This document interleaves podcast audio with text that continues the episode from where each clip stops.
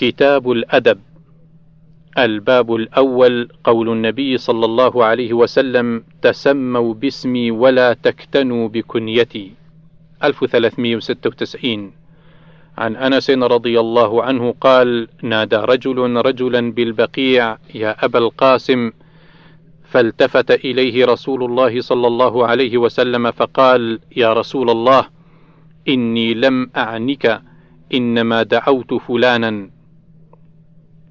فقال رسول الله صلى الله عليه وسلم تسموا باسمي ولا تكنوا بكنيتي. أخرجه البخاري 2121 الباب الثاني التسمية بمحمد صلى الله عليه وسلم 1397 عن جابر بن عبد الله رضي الله عنهما قال ولد لرجل منا غلام فسماه محمدا. فقال له قومه لا ندعك تسمي باسم رسول الله صلى الله عليه وسلم. فانطلق بابنه حامله على ظهره فأتى به النبي صلى الله عليه وسلم فقال يا رسول الله ولد لي غلام فسميته محمدا فقال لي قومي لا ندعك تسمي باسم رسول الله. فقال رسول الله صلى الله عليه وسلم تسموا باسمي ولا تكتنوا بكنيتي فإنما أنا قاسم أقسم بينكم. الباب الثالث أحب الأسماء إلى الله تعالى عبد الله وعبد الرحمن. 1398 عن ابن عمر رضي الله عنهما قال قال رسول الله صلى الله عليه وسلم إن أحب أسمائكم إلى الله عبد الله وعبد الرحمن. الباب الرابع تسمية المولود عبد الرحمن 1399 عن جابر بن عبد الله رضي الله عنهما قال: ولد لرجل منا غلام فسماه القاسم فقلنا لا نكنيك أبا القاسم ولا ننعمك عينا فأتى النبي صلى الله عليه وسلم فذكر ذلك له فقال أسم ابنك عبد الرحمن. أخرجه البخاري 6186 الباب الخامس تسمية المولود عبد الله ومسحه والصلاة عليه. 1400 عن عروة عن عروة بن الزبير وفاطمة بنت المنذر بن الزبير أنهما قالا خرجت أسماء بنت أبي بكر حين هاجرت وهي حبلى بعبد الله بن الزبير رضي الله عنهم فقدمت قباء فنفست بعبد الله بقباء ثم خرجت حين نفست إلى رسول الله صلى الله عليه وسلم ليحنكه فأخذه رسول الله صلى الله عليه وسلم منها فوضعه في حجره ثم دعا بتمرة قال قالت عائشة فمكثنا ساعة نلتمسها قبل أن نجدها فمضغها ثم بصقها في فيه فإن أول شيء دخل بطنه لريق رسول الله صلى الله عليه وسلم.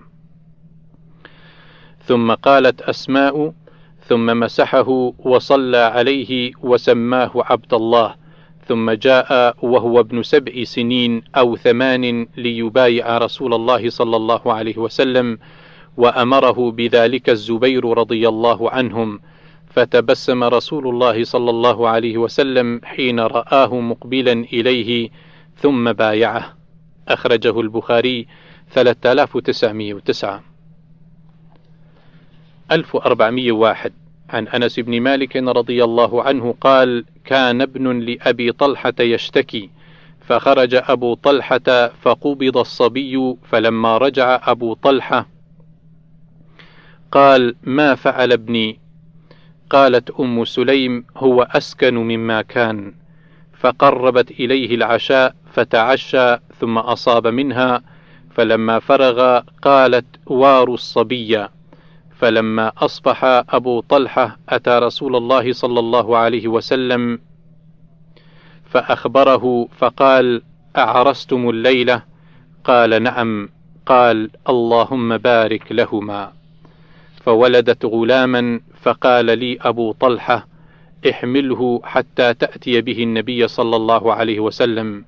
فأتى به النبي صلى الله عليه وسلم وبعثت معه بتمرات فأخذه النبي صلى الله عليه وسلم فقال أمعه شيء قالوا نعم تمرات فأخذها النبي صلى الله عليه وسلم فمضغها ثم أخذها من فيه فجعلها في في الصبي ثم حنكه وسماه عبد الله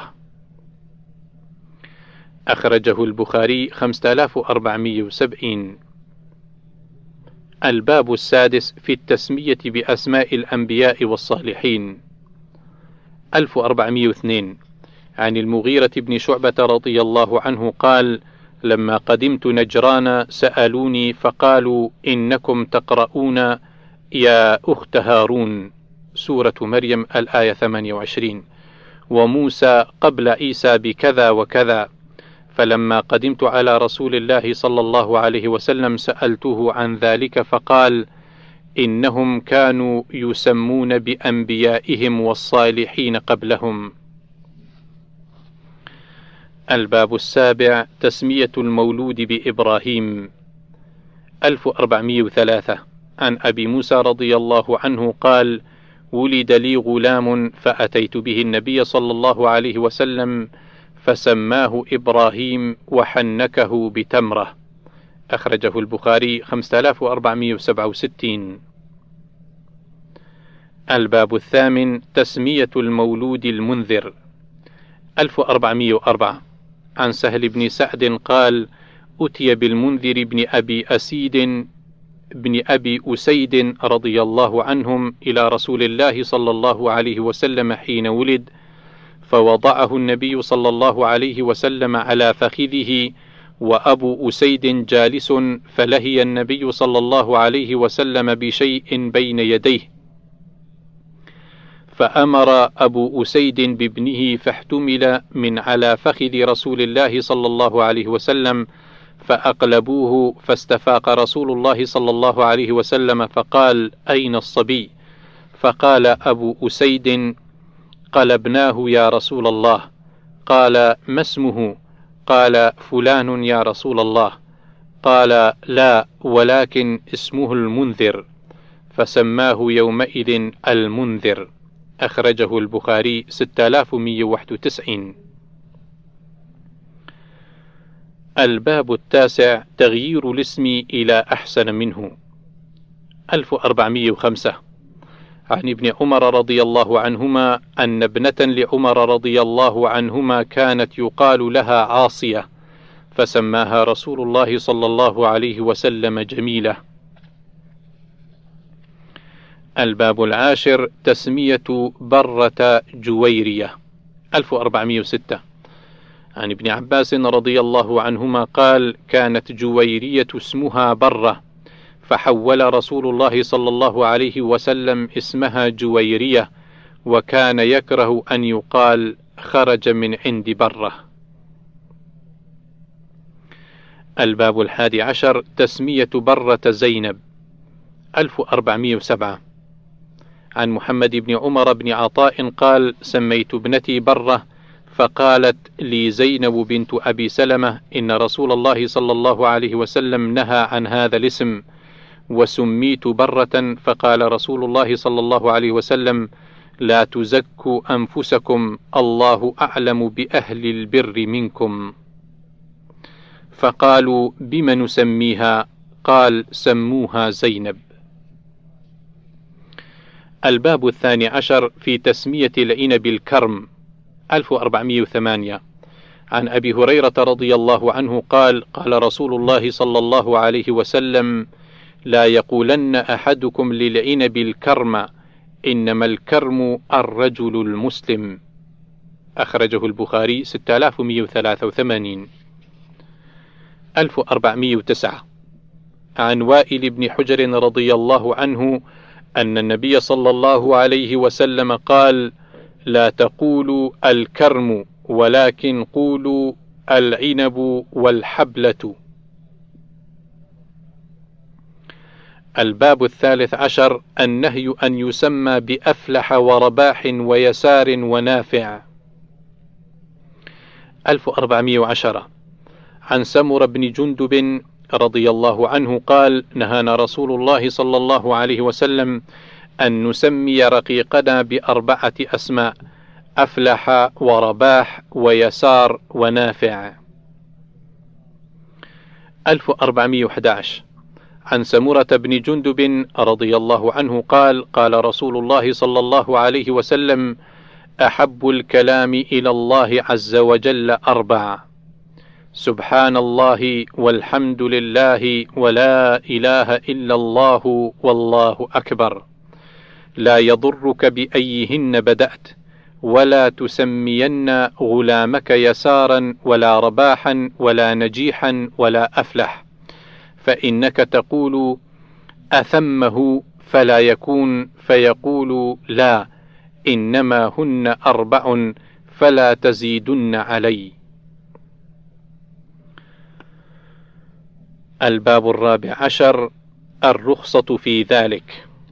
1412 عن جابر بن عبد الله رضي الله عنهما قال أراد النبي صلى الله عليه وسلم أن ينهى عن أن يسمى بمقبل وببركة وبأفلح وبيسار وبنافع وبنحو ذلك.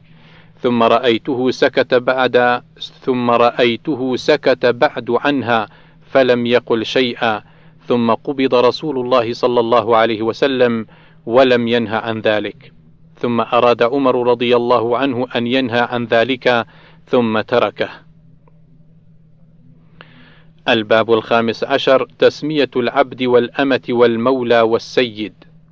1413 عن أبي هريرة رضي الله عنه قال قال رسول الله صلى الله عليه وسلم لا يقل أحدكم اسق ربك وأطعم ربك وضئ ربك ولا يقل أحدكم ربي وليقل سيدي ومولاي ولا يقل أحدكم عبدي أمتي وليقل فتاي فتاتي غلامي. أخرجه البخاري 2552 الباب السادس عشر تكنية الصغير 1414 عن أنس بن مالك رضي الله عنه قال كان رسول الله صلى الله عليه وسلم أحسن الناس خلقا وكان لي أخ يقال له أبو عمير. قال أحسبه قال كان فطيما قال فكان إذا جاء رسول الله صلى الله عليه وسلم فرآه قال أبا عمير ما فعل النغير قال فكان يلعب به أخرجه البخاري 6203 الباب السابع عشر قول الرجل للرجل يا بني. 1415 عن المغيرة بن شعبة رضي الله عنه قال: ما سأل رسول الله صلى الله عليه وسلم أحد عن الدجال أكثر مما سألته عنه، فقال لي: أي بني، وما ينصبك منه إنه لن يضرك، قال قلت إنهم يزعمون أن معه أنهار الماء وجبال الخبز. قال هو أهون على الله من ذلك. الباب الثامن عشر أخنع اسم عند الله من تسمى بملك الأملاك. 1416 عن أبي هريرة رضي الله عنه عن النبي صلى الله عليه وسلم قال إن أخنع اسم عند الله رجل تسمى ملك الأملاك. في رواية لا مالك إلا الله. قال سفيان يعني ابن عيينة مثل شاه شاه. وقال أحمد بن حنبل سألت أما أبا عمرو عن أخنع فقال أوضع.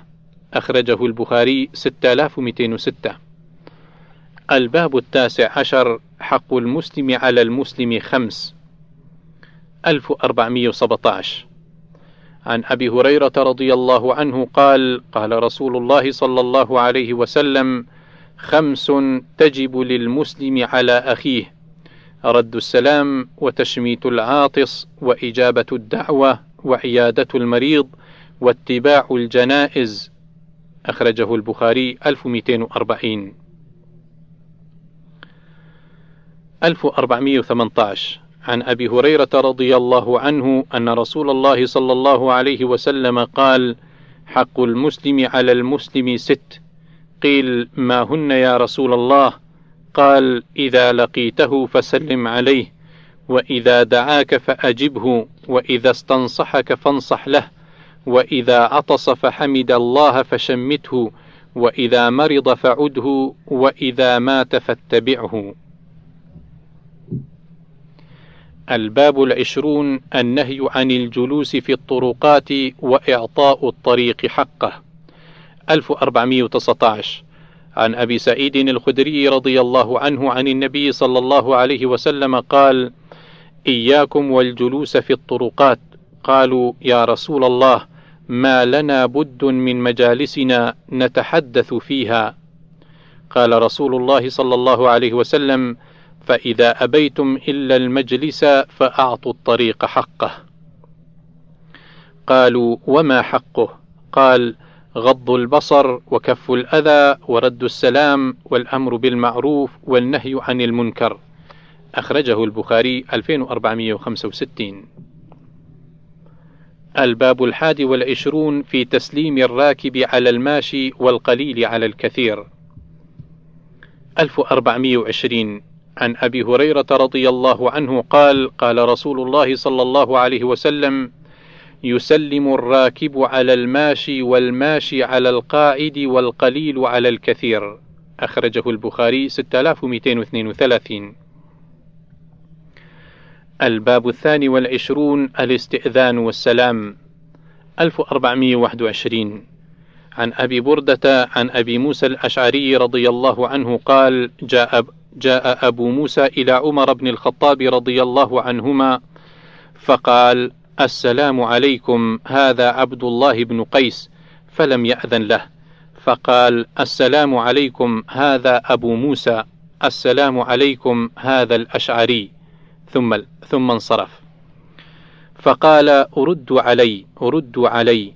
فجاء فقال يا أبا موسى ما ردك؟ كنا في شغل.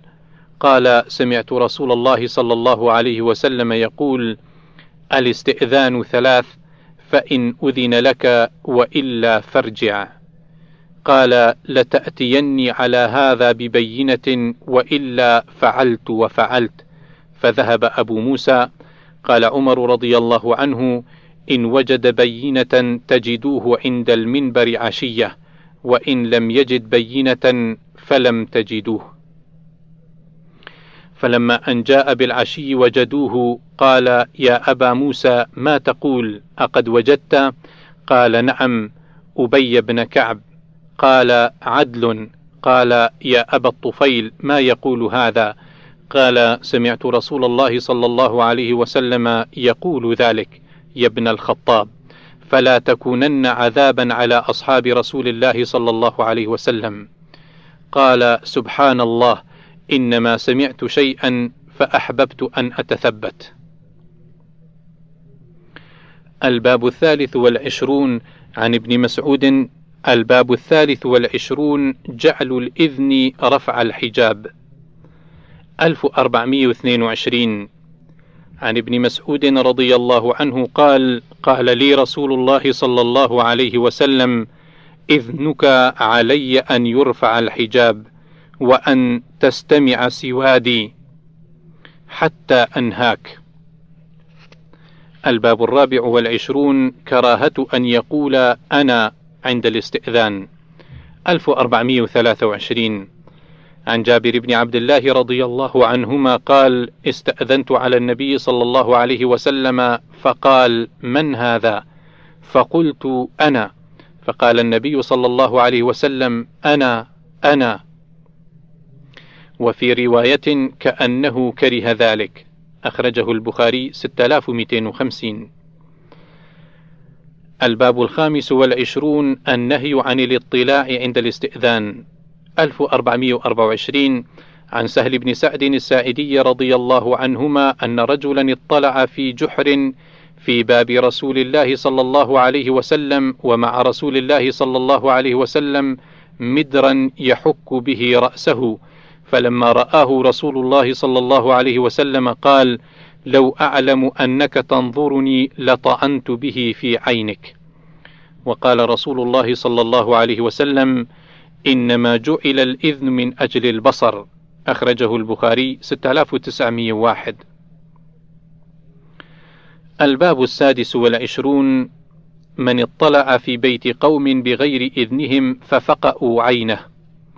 1425 عن أبي هريرة رضي الله عنه أن رسول الله صلى الله عليه وسلم قال لو أن رجلا اطلع عليك بغير إذن فخذفته بحصاة ففقأت عينه ما كان عليك من جناح أخرجه البخاري 6887 الباب السابع والعشرون في نظر الفجاءة وصرف البصر عنها. 1426 عن جرير بن عبد الله رضي الله عنه قال سألت رسول الله صلى الله عليه وسلم عن نظر الفجاءة فأمرني أن أصرف بصري. الباب الثامن والعشرون من أتى مجلسا سلم وجلس. 1427 عن أبي واقد الليثي رضي الله عنه أن رسول الله صلى الله عليه وسلم بينما هو جالس في المسجد والناس معه إذ أقبل نفر ثلاثة فأقبل اثنان إلى رسول الله صلى الله عليه وسلم وذهب واحد. قال: فوقفا على رسول الله صلى الله عليه وسلم فأما أحدهما فرأى فرجة في الحلقة فجلس فيها وأما الآخر فجلس خلفهم وأما الثالث فأدبر ذاهبا. فلما فرغ رسول الله صلى الله عليه وسلم قال ألا أخبركم عن النفر الثلاثة؟ أما أحدهم فأوى إلى الله فآواه الله وأما الآخر فاستحيا فاستحيا الله منه وأما الآخر فأعرض فأعرض الله عنه.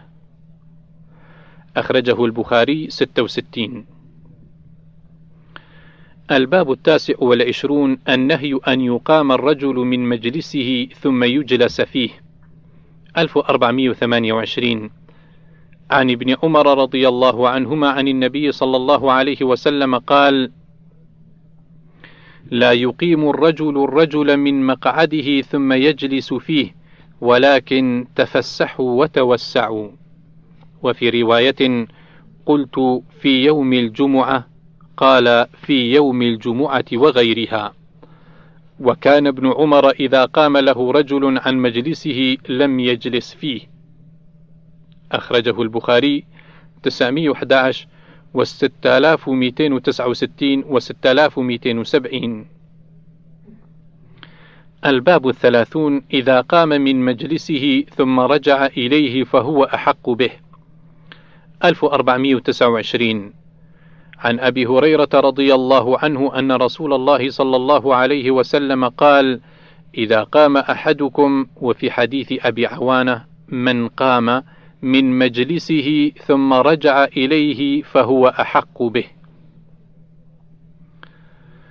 الباب الحادي والثلاثون النهي عن مناجاة الاثنين دون الثالث 1430 عن عبد الله بن مسعود رضي الله عنه قال قال رسول الله صلى الله عليه وسلم إذا كنتم ثلاثة فلا يتناجى اثنان دون الآخر حتى تختلطوا بالناس من أجل أن من أجل أن يحزنه. أخرجه البخاري 6290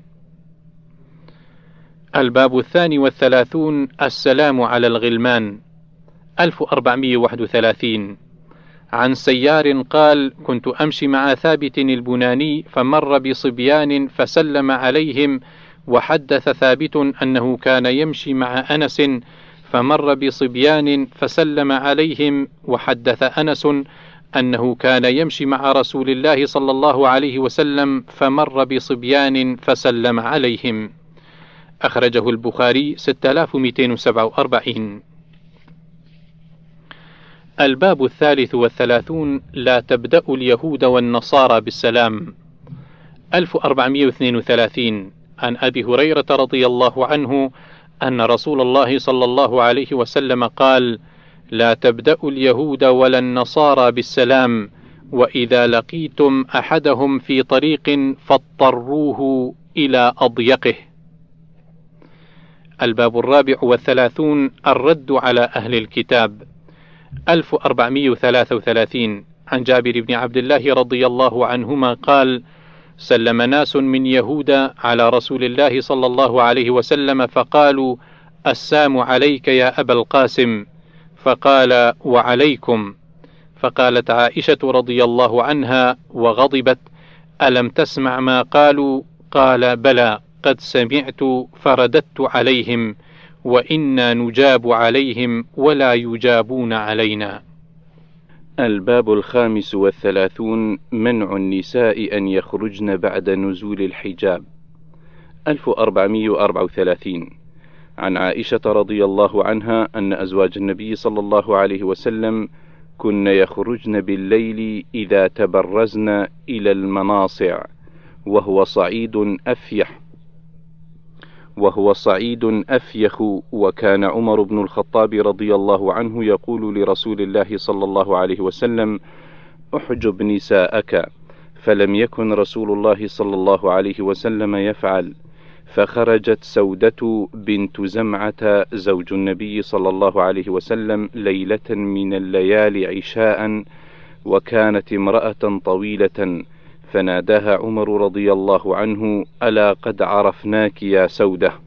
حرصا على أن ينزل الحجاب. قالت عائشة فأنزل الله عز وجل الحجاب. أخرجه البخاري 146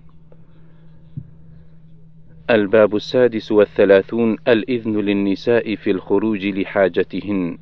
1435 عن عائشة رضي الله عنها قالت: خرجت سودة رضي الله عنها بعدما ضرب علينا الحجاب لتقضي حاجتها، وكانت امرأة جسيمة تفرع النساء جسما لا تخفى على من يعرفها، فرآها عمر بن الخطاب رضي الله عنه فقال: يا سودة والله ما تخفين علينا، فانظري كيف تخرجين. قالت: فانكفأت راجعة ورسول الله صلى الله عليه وسلم في بيتي وإنه ليتعشى وفي يده عرق فدخلت فقالت يا رسول الله إني خرجت فقال لي عمر كذا وكذا قالت فأوحي إليه ثم رفع عنه وإن العرق في يده ما وضعه فقال إنه قد أذن لكن أن تخرجن لحاجتكن. أخرجه البخاري 4795 الباب السابع والثلاثون جعل المرأة ذات المحرم من خلفه. 1436 عن أسماء بنت أبي بكر رضي الله عنهما قالت تزوجني الزبير وما له في الأرض من مال ولا مملوك ولا شيء غير فرسه. قالت فكنت أعلف فرسه وأكفيه مؤونته وأسوسه وأدق النوى لناضحه وأعلفه وأستقي الماء وأخرز غربه وأعجن ولم أكن أحسن أخبز فكان يخبز لي جارات لي من الأنصار وكن نسوة صدق. قالت وكنت أنقل النوى من أرض الزبير التي أقطعه رسول الله صلى الله عليه وسلم على رأسي وهي على ثلثي فرسخ. قالت فجئت يوما والنوى على رأسي فلقيت رسول الله صلى الله عليه وسلم ومعه نفر من أصحابه فدعاني ثم قال إخ إخ ليحملني خلفه. قالت فاستحييت وعرفت غيرتك. فقال والله لحملك النوى على رأسك أشد من ركوبك معه. قالت حتى أرسل إلي أبو بكر رضي الله عنه بعد ذلك بخادم فكفتني سياسة الفرس فكأنما أعتقني. أخرجه البخاري 5224 الباب الثامن والثلاثون إذا مر برجل ومعه امرأة فليقل إنها فلانة. 1437 عن صفية بنت حيي رضي الله عنها قالت: كان النبي صلى الله عليه وسلم معتكفا فأتيته أزوره ليلا فحدثته ثم قمت لأنقلب فقام معي ليقلبني وكان مسكنها في دار أسامة بن زيد رضي الله عنهما فمر رجلان من الأنصار فلما رأيا النبي صلى الله عليه وسلم أسرعا فقال النبي صلى الله عليه وسلم على رسلكما إنها صفية بنت حيي. فقالا سبحان الله يا رسول الله. قال إن الشيطان يجري من الإنسان مجرى الدم وإني خشيت أن يقذف في قلوبكما شرا أو قال شيئا. أخرجه البخاري 2035 الباب التاسع والثلاثون نهي الرجل عن المبيت عند امرأة غير ذات محرم. 1438 عن جابر رضي الله عنه قال قال رسول الله صلى الله عليه وسلم ألا لا يبيتن رجل عند امرأة ثيب إلا أن يكون ناكحا أو ذا محرم.